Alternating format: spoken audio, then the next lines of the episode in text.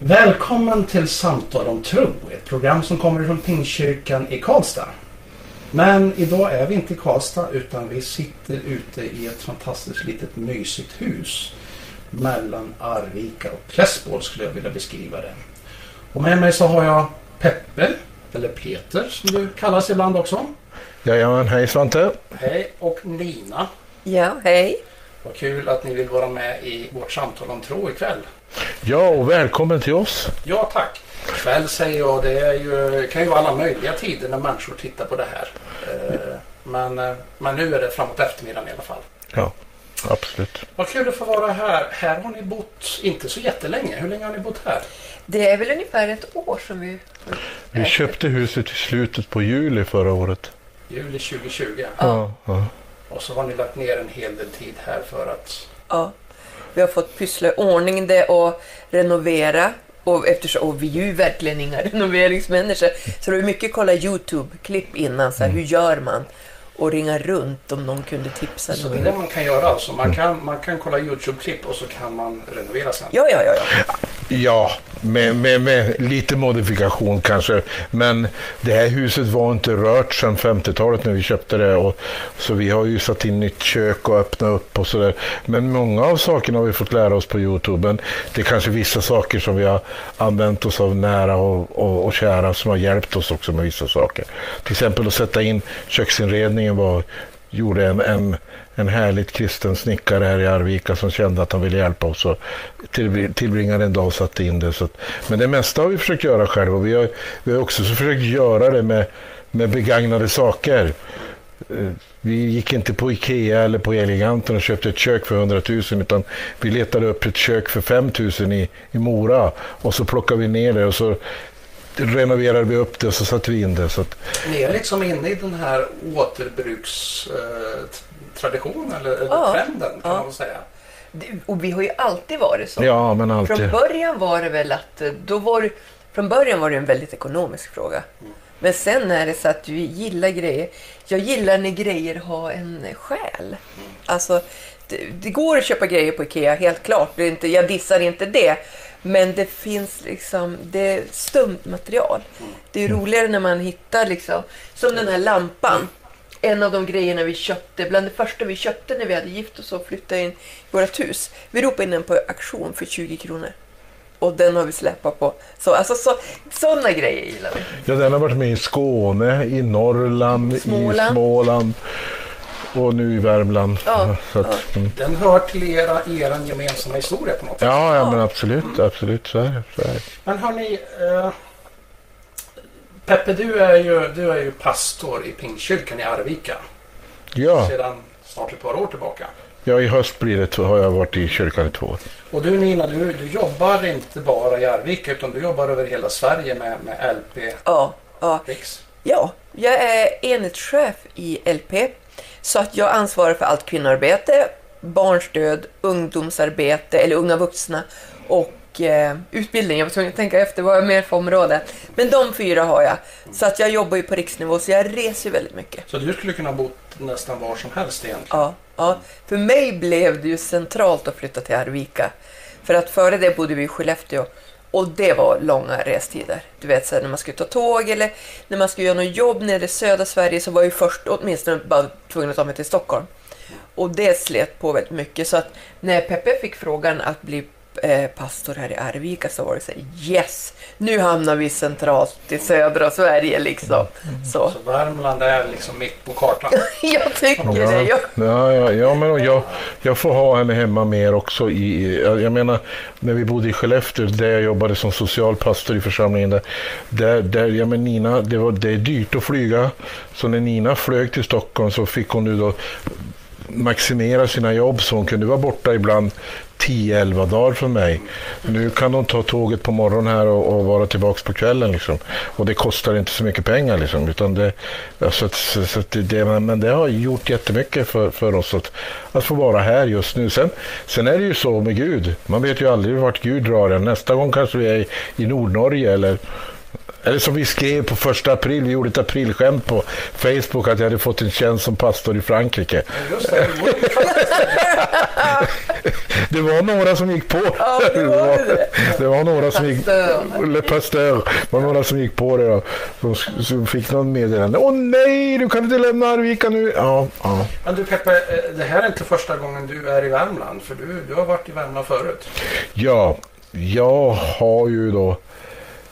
Alla som känner mig vet ju att jag har ett långt missbruk bakom mig. Att jag har- liksom levt i kriminalitet och droger i jättemånga år före jag fick möta Jesus. Och, och de flesta av de åren tillbringade jag i Värmland med Karlstad, Vålberg, Grums som bas. Och jag var en riktig bus i det här länet. Så du var en buse i Karlstad och i Värmland. Och nu är du pastor i 15-20 år, eller vad är det? Ja, jag har varit pastor i nio år.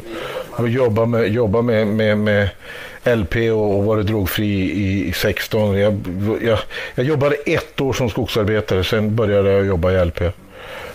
Men du, hur går det till? Ifrån att vara drogmissbrukare och kriminell till att, att jobba som pastor? Du Svante, det är, det är en jättesvår fråga. För, fråga Gud jag fråga, jag fråga Gud om, för jag, för jag vet inte hur det gick. Jag liksom hade aldrig någon strävan heller att jag skulle bli pastor, utan allt som jag fick liksom till mig när jag vart frälst, det är liksom att, att jag på något sätt ville presentera det jag hade fått, för det förlöste mig så mycket.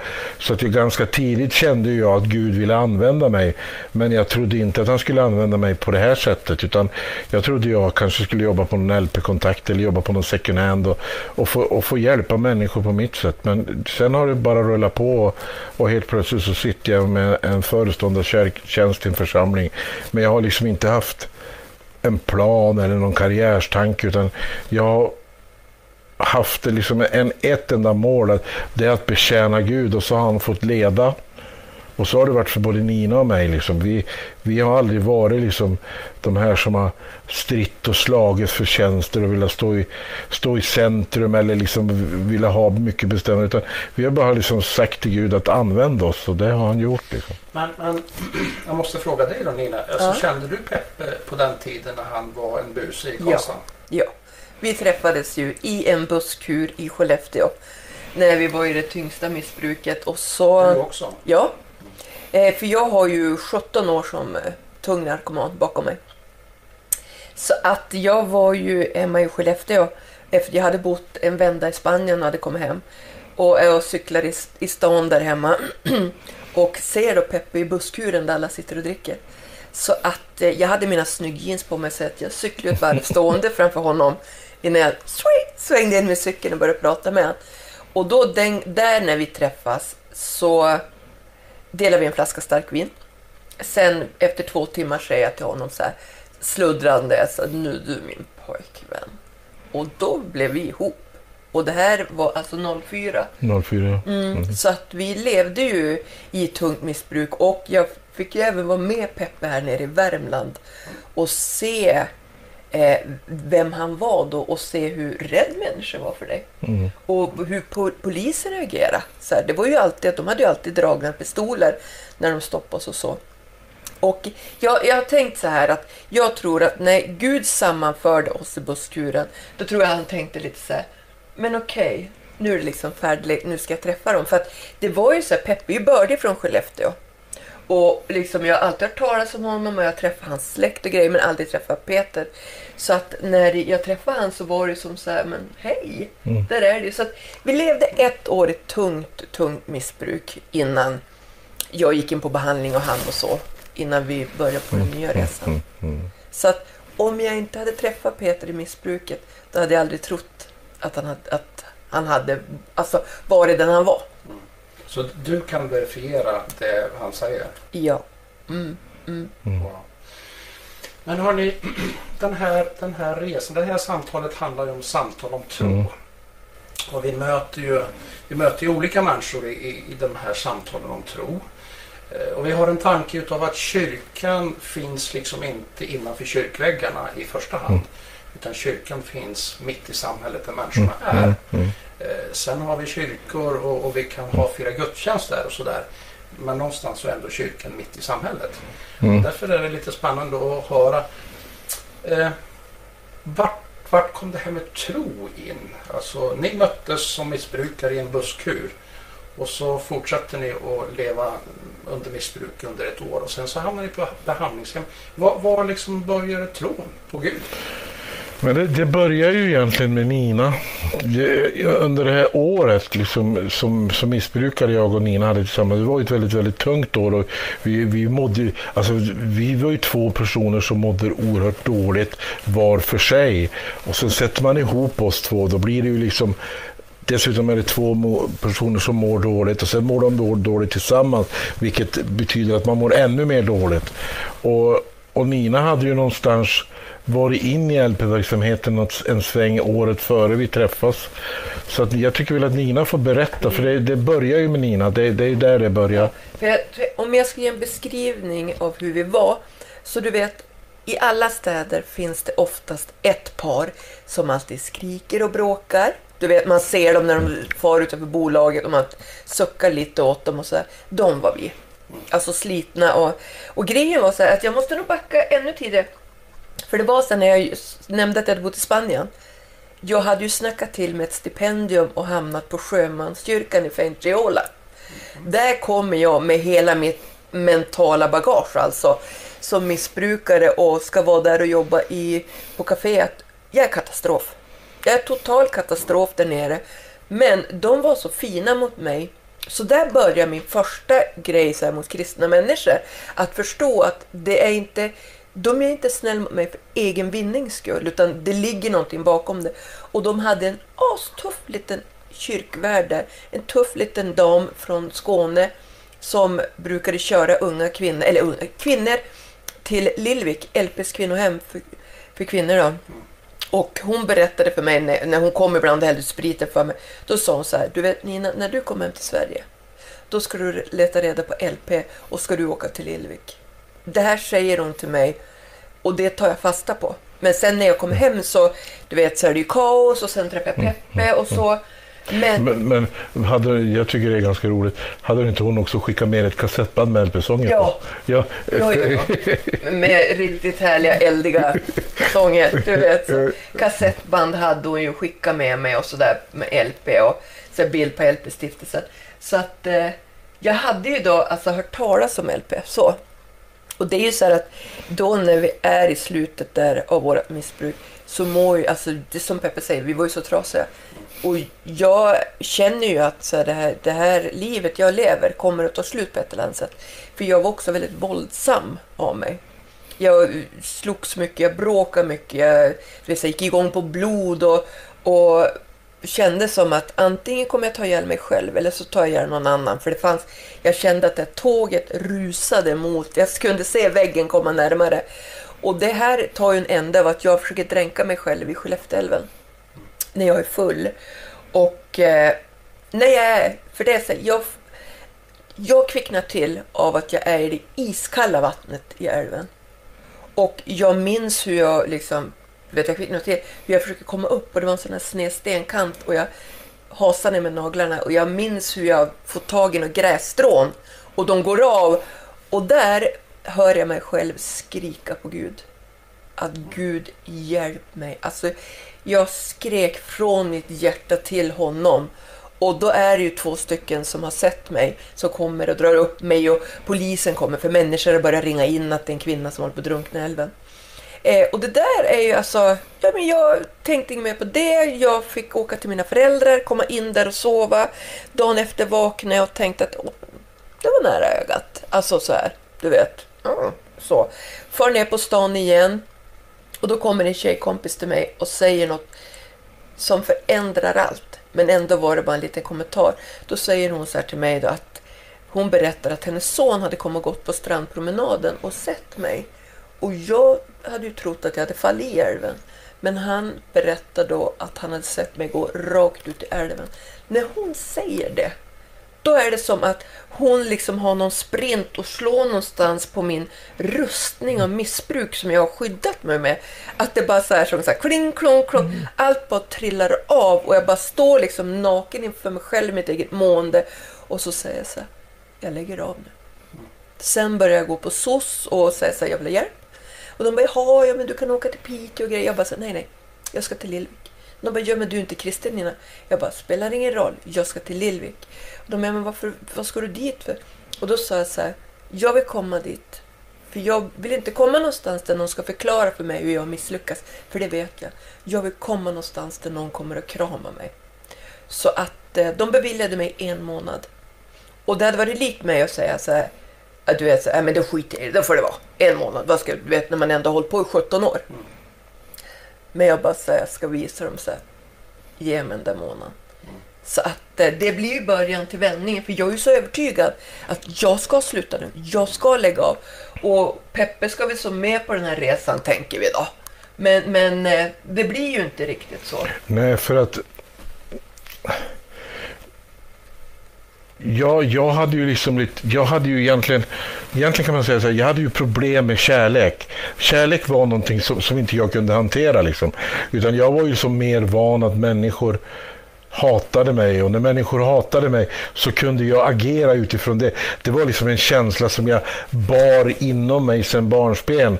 Så det, ja, och, det, och det kunde jag liksom hantera. Det var mycket lättare när en människa sa jag hatar dig. För då visste jag precis hur jag skulle agera. Antingen slå på käften eller var han för stor så sprang jag. Det var liksom de två sakerna att välja på. Men när en människa säger jag vill ha med dig på resan Peter, för jag älskar dig då gör jag som vanligt. Ja, men jag lovar. Ja, vi, ja visst, ja, ja, ja, det är klart vi ska. Och vi ska träffas på andra sidan och vi ska ha en liten villa med en Volvo och några höns och vi ska bli så lyckliga. Ja, för det var ju så att då när jag ska få åka på hemmet så har ju Peppe ett fängelsestraff som väntar. Så att då har ju vi sagt att eh, jag ska åka in på behandlingen. Han ska... Du ska åka in på avgiftningen? Mm. Jo, men först avgiftningen, men sen ska jag åka på behandlingen. Mm. Och du skulle ställa in dig för att gå in på anstalten. Ja. Så var våran plan. Men du kan ju berätta Peppe vad som hände. Vad jag gjorde? ja, ja.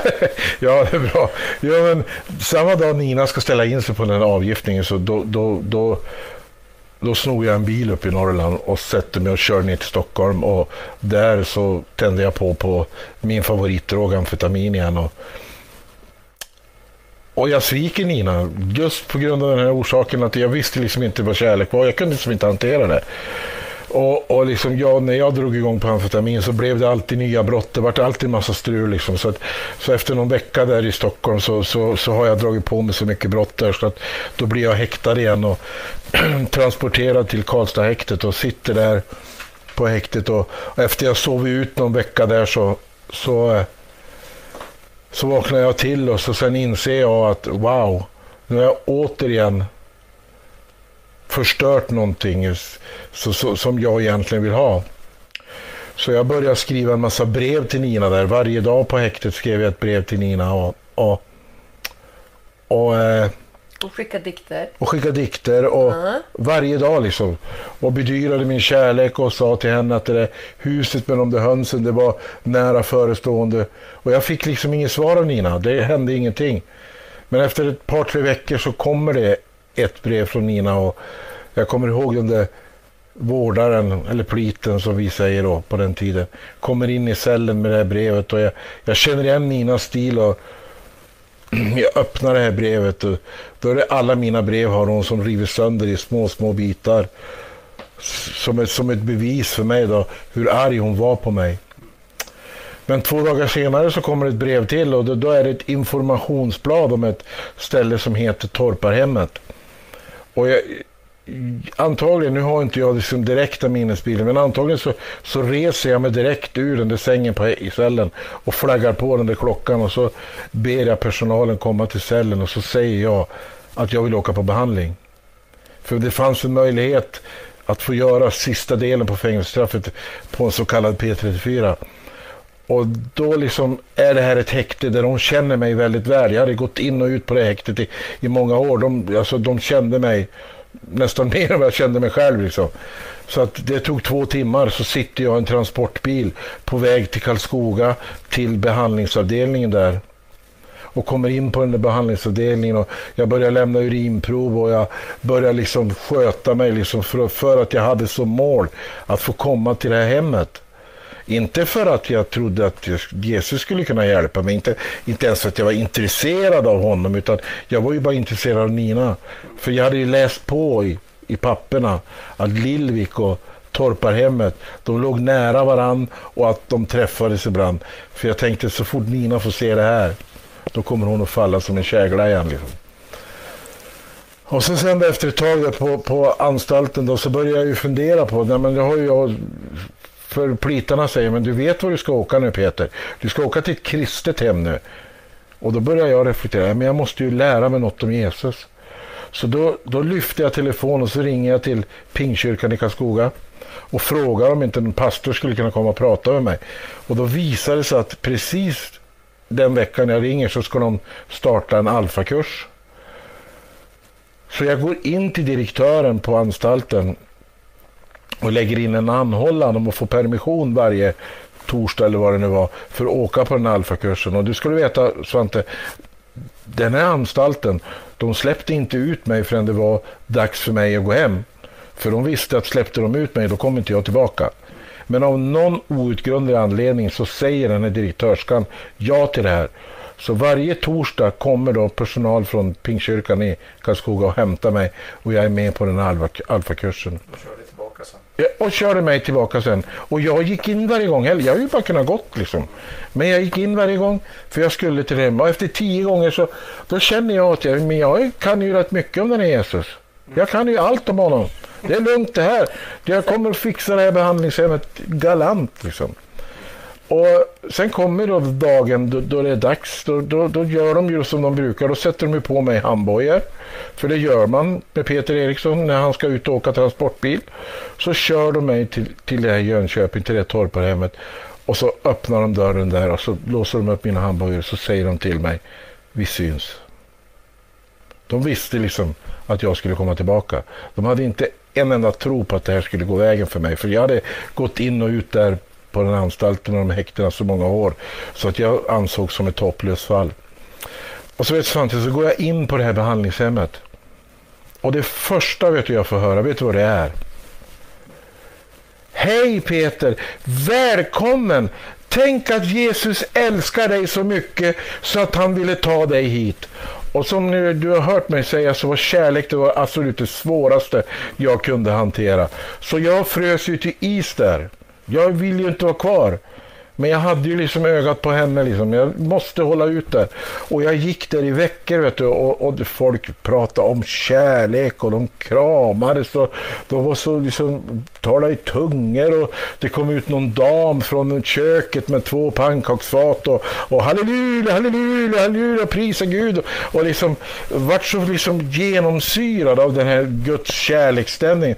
Så till slut liksom så kan inte jag som värja mig för det här längre. Så jag är liksom tvungen tvungen att öppna ögonen och se runt omkring mig vad som händer. Och då ser jag att det är killar som är, ja, men de är lika tatuerade som jag är. De pratar om kriminalitet, de pratar om fängelse, de pratar om missbruk. Men de pratar också om förlåtelse, de pratar också om Jesu kärlek. Och, och, jag, och jag liksom började titta på dem och så började jag titta i deras ögon och så såg jag att det lös. sig. Så kunde, och jag kommer ihåg att jag stod själv på rummet på kvällen med, med den där lilla rakspegeln man hade på rummet då, och tittade i mina ögon och det var svart liksom. Och så började jag liksom lyssna på vad de sa och, och på någonstans så började liksom det fyllas på i mig.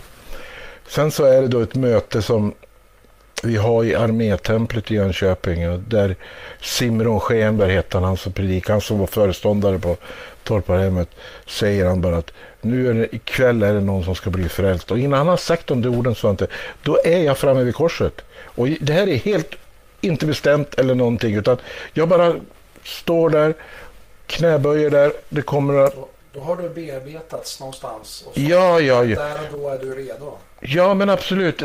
Absolut. Då process, processen är ju igång, fast jag är inte själv medveten om det. Men då lägger de liksom händerna på mig och i det ögonblicket när de lägger händerna på mig, då blir jag liksom förlöst.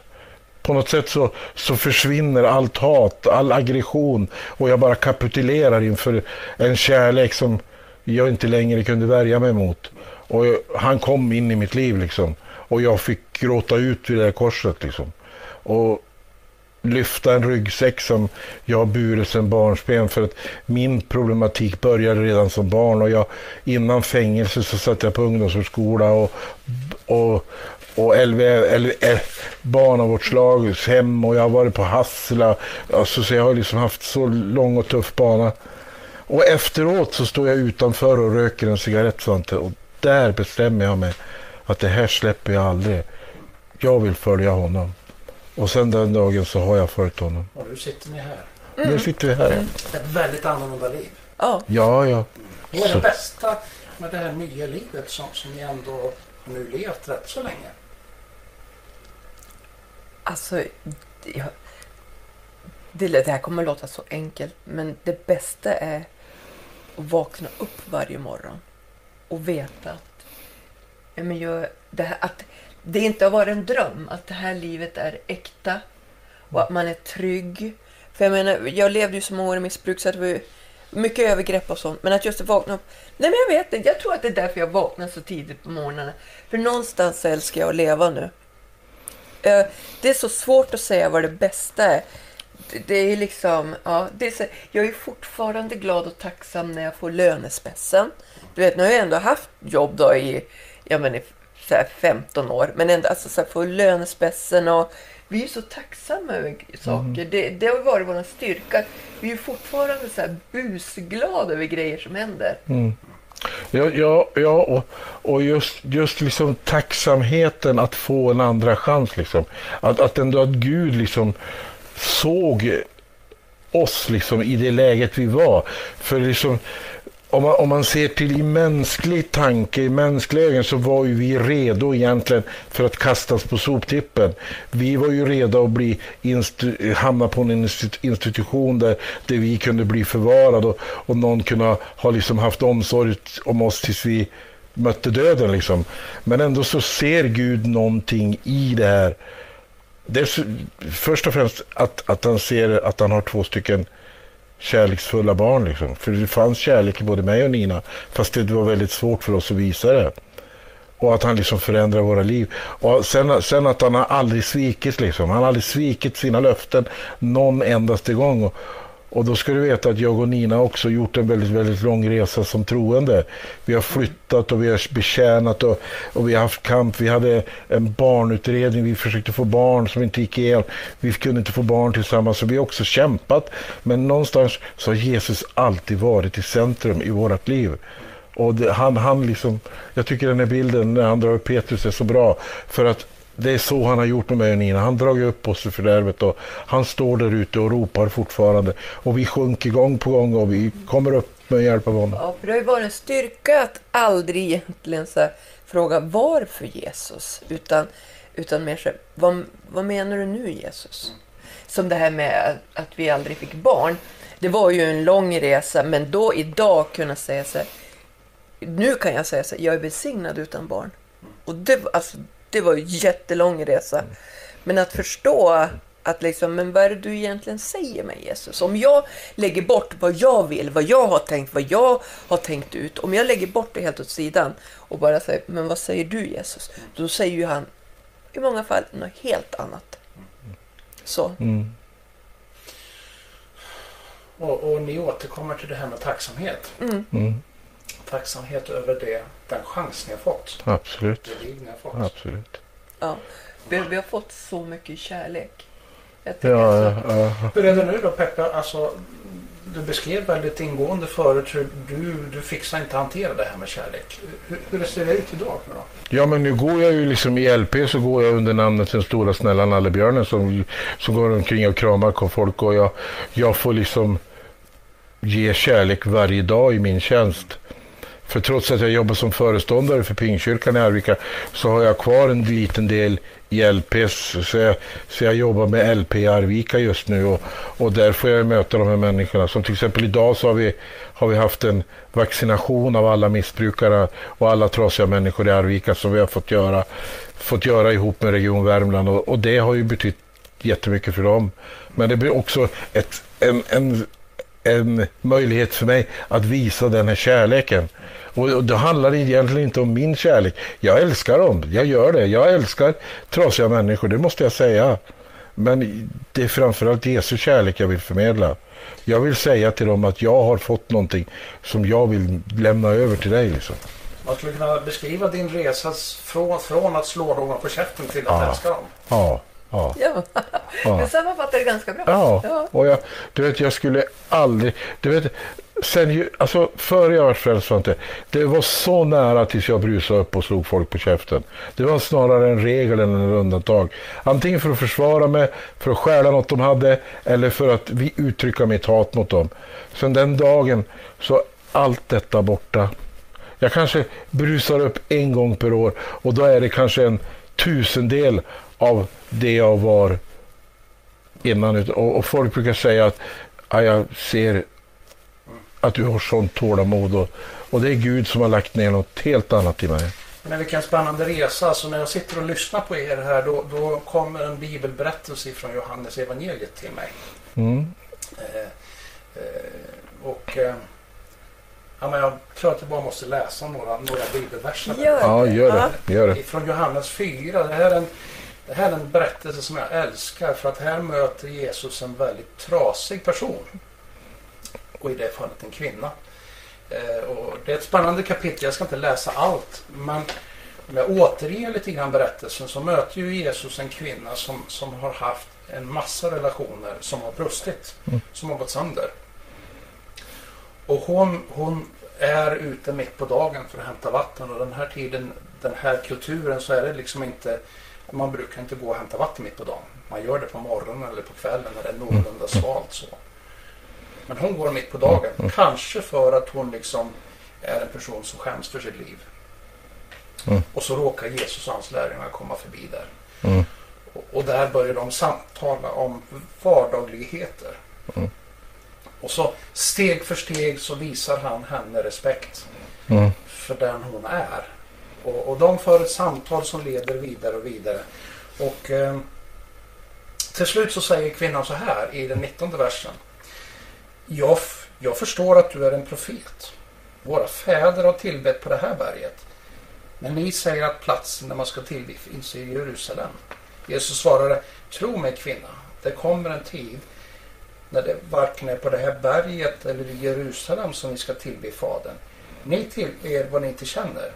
Vi tillber vad vi känner eftersom frälsningen kommer från judarna. Men det kommer en tid, ja den är redan här, när sanna tillbedjare ska tillbe Fadern i ande och sanning. Sådana tillbedjare vill Fadern ha.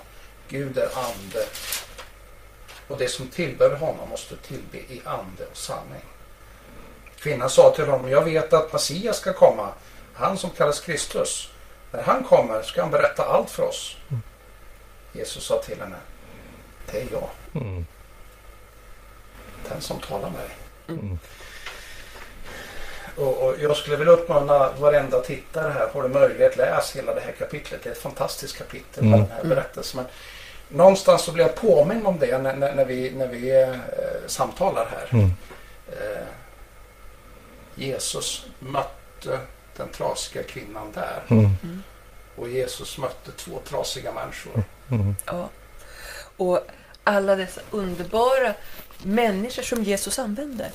Mm. För eh, det måste jag berätta att jag hade väl varit, vi hade väl varit kanske nyktra och drogfria i fem år då. Så, så är vi på, åker på en LP-dag nere i Skåne, vi bor i Småland. Och då ser jag en liten kvinna bland folket på den här LP-dagen och går fram och knackar henne på axeln. Så vänder hon sig om. Så är det den här lilla tuffa kvinnan som berättade för mig om LP. Mm.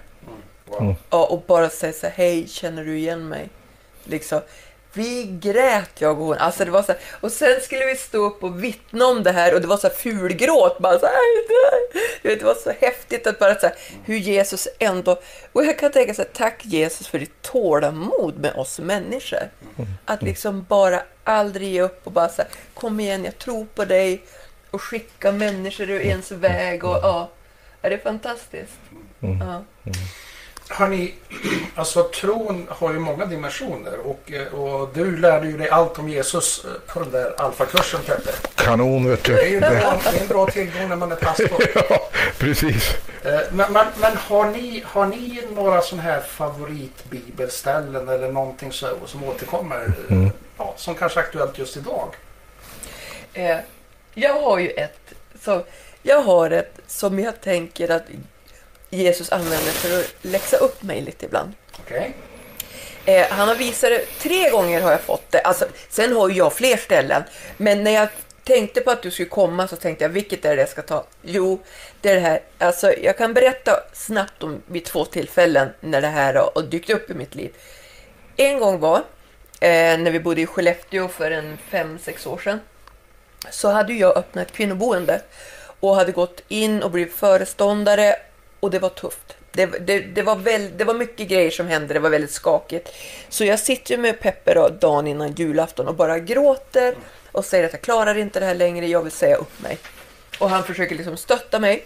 Och jag är då, sen blir det julafton och jag ser en liten lapp ligga på golvet. Och jag går över den där lilla lappen på köksgolvet hela dagen. Och sen tänkte jag, men jag tar väl upp den där lilla lappen då. Och då är det ju bara en sån här liten, du vet, när det bara står en bibelvers. Den. Den får jag upp och tänker så här, ja men jag måste väl kolla vad det är. Och då står det så här, du ska fullfölja den tjänst Herren gett åt dig. Då kände jag så här, och då började jag väl böla igen tror jag. Mm. För det förstod jag att jag ska ju göra det här. Att så det var ett konkret, som du uppfattar ett konkret eh, tilltal ifrån Jesus själv till, ja. in i din direkta situation ja, då. Ja, ja och, vi, och vi förstår inte riktigt hur lappen hamnade på golvet heller. Nej, för nej, nej, för mannaburken hade vi i princip, för jag tror vi hade fått den i gåva någon gång. Ja, vi och, hade i alla fall inte öppnat den och använt på korridor. På så, vi använt, använt och så ligger den lappen ja, ja, visst. Och det var ju fascinerande. Men sen går det ju några år och då är jag på Lappis 100-årsjubileum och fått jag ska få predika. Och du vet, och då predikade jag och jag tyckte ju sen att det blev ju, alltså, det blev bra, men det var inte som jag hade tänkt. Mm? Och då blir det så här att jag ska åka ner till ett ställe, från Lappiska jag ner till ett annat ställe för jag ska göra ett annat jobb där. Och under hela resan säger jag så här, jag ska aldrig mer predika. Jag ska aldrig mer göra det. Jag fattar inte varför jag gör det. Jag ska aldrig mer göra det. Och jag kommer till det stället där jag ska få bo i någon ungdomsrum sådär. Och håller på och roddar med den här tältsängen. Och då under sängen så ligger ett sånt här större mannakort där det står direkt. Då tar jag fram det och då står det så här, du ska fullfölja den tjänst Herren har gett åt dig. Så det är just det, så, när jag börjar sprattla och tänker så här, nej men nu ska jag sluta, nej men nu ska jag göra något annat, nej men nu, du vet så här, nej men nu ska jag sälja kläder på H&M. Då ger han mig det här. För då vet jag vad jag är i min kallelse. Han kan ju förändra den, men då tänker jag att han förklarar det för mig. Så det du egentligen säger till mig här nu Nina, det är mm. att att du fick inte bara ett nytt liv som liksom eh, är rent ifrån droger och, och missbruk. Du har också fått en väldigt viktig roll, alltså ett, ett uppdrag. Ja, han har gett mig ett uppdrag, precis vad jag tänkte. Ja, det har han. För, ja. för mig har vägen gått från att tänkt så här, ja men tro, ja men jag tror på Jesus. Här har vi tron. Mm.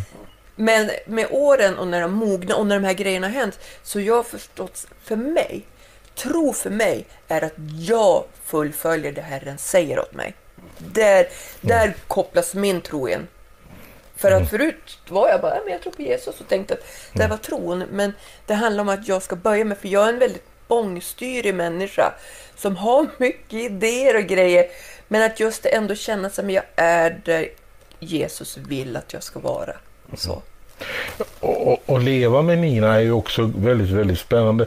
För när man står bredvid Nina och ser så förstår man ju att Gud använder ju henne för att bryta normer, för att ta bort fördomar och för, för att öppna för framförallt då kvinnor i, i, i, i kristenheten. Och, och, och det är ju fantastiskt att få se hur Gud använder Nina liksom och, och, och, att hon får faktiskt vara med och bryta fördomar och bryta normer. Och hon har bland annat en podd tillsammans med en kompis som har varit väldigt populär där jättemånga kvinnor har fått hjälp med både skuld och skam som har varit i, i kyrkan. Liksom.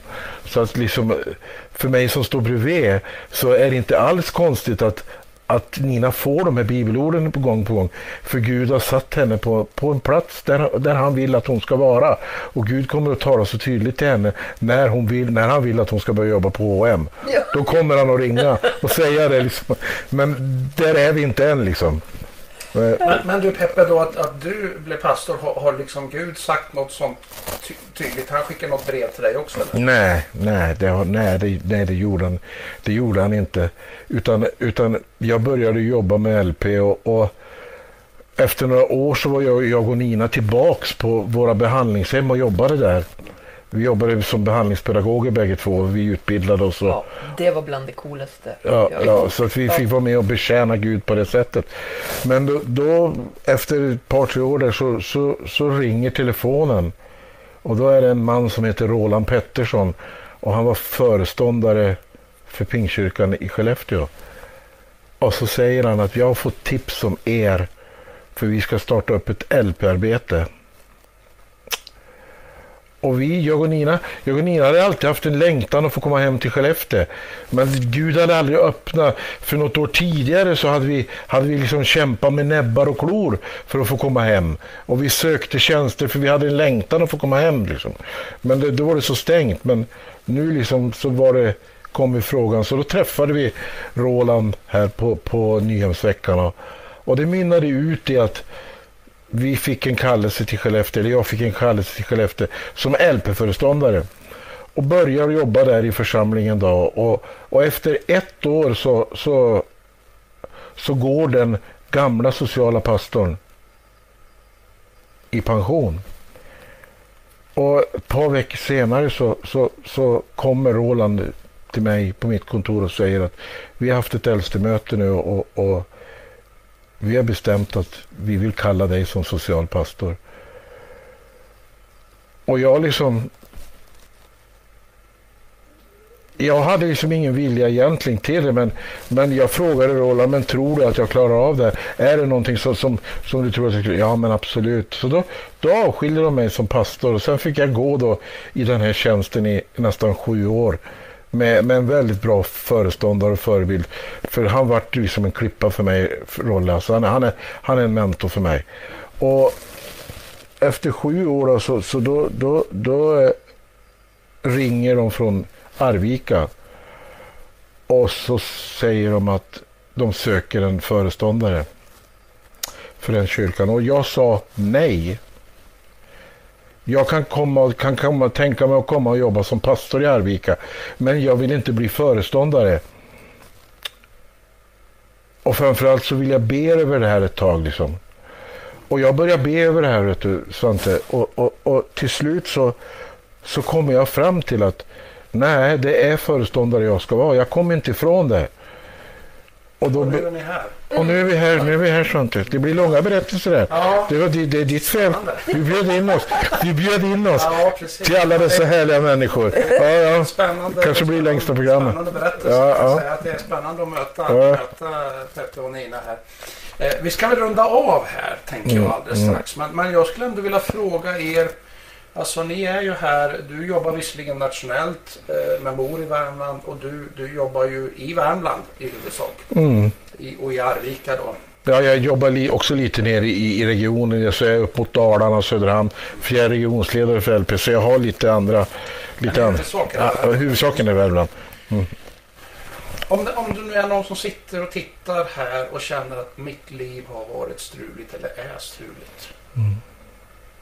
Vad har ni då att säga till den personen? Vänd er till den som möjligen sitter där och känner att "Nej, men, något utav det ni har berättat det känner jag igen mig i. Mitt liv har varit struligt. Vad, vad, vad har ni för något? för något? Ja, men, nej, men, Ingen lång predikan. nej, ingen lång predikan. Det är väl, nej, men det är väl så här. Alltså, I Johannes evangeliet som du nu har lyft finns det ett bibelord som är mitt favoritbibelord. Och det är Johannes 14, vers 6. Där Jesus säger att han är vägen, sanningen och livet.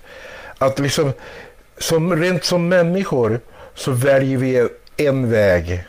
Och den vägen kan vara kantad av droger, misär. Vi väljer vår egen sanning om oss själva och den sanningen handlar ofta om att vi är värdelösa och vi är inte värda ett dugg och vi förtjänar inte något. Och då blir det ett liv som inte är sanningen. Det blir ett liv som är i trasighet. Men om man lyssnar på Jesus, om man lyssnar på honom, om man ber, knäpper sina händer och ber till honom, så kommer han att visa dig en annan väg. Han kommer att visa dig en annan sanning och han kommer att ge dig ett annat liv. Men det ligger på oss människor. Vi måste söka honom och han är beredd. Likväl som han mötte mig vid korset där. Det var ju för att jag gick fram för jag öppnade mig för... Steg. Jag tog ett steg. Och när jag gav Gud tillåtelse, för han är en, han är en älskande Gud.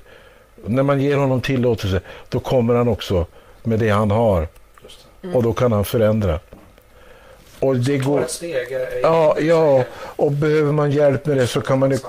Ja, och behöver man hjälp med det så ska man ju kontakta en kyrka.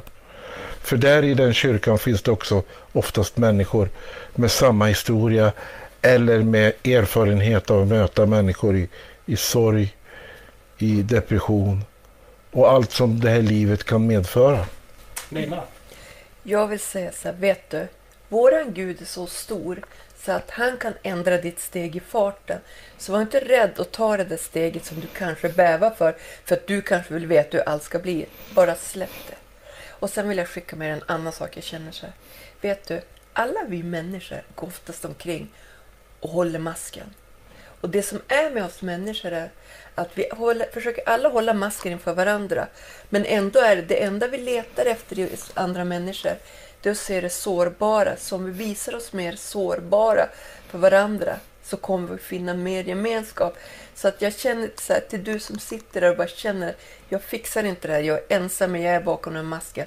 Bara släpp det, släpp in sprickorna, det är där ljuset kommer in. Vi behöver visa vår sårbarhet, för det är där vi finner styrkan. Mm. Tack för ett spännande samtal. Tack själv Svante. Tack för att du kom! Ja. Och tack för de uppmuntrande orden till, till kanske någon som sitter där ute som, som behövde höra just det. Mm. Hörrni, eh, vad känns väl bättre än att avsluta med en bön? Amen. Amen. Ja, Gud, tack Jag för att tackar vi Herre Jesus. har fått mötas här hemma Mm. hos Peppe och Nina.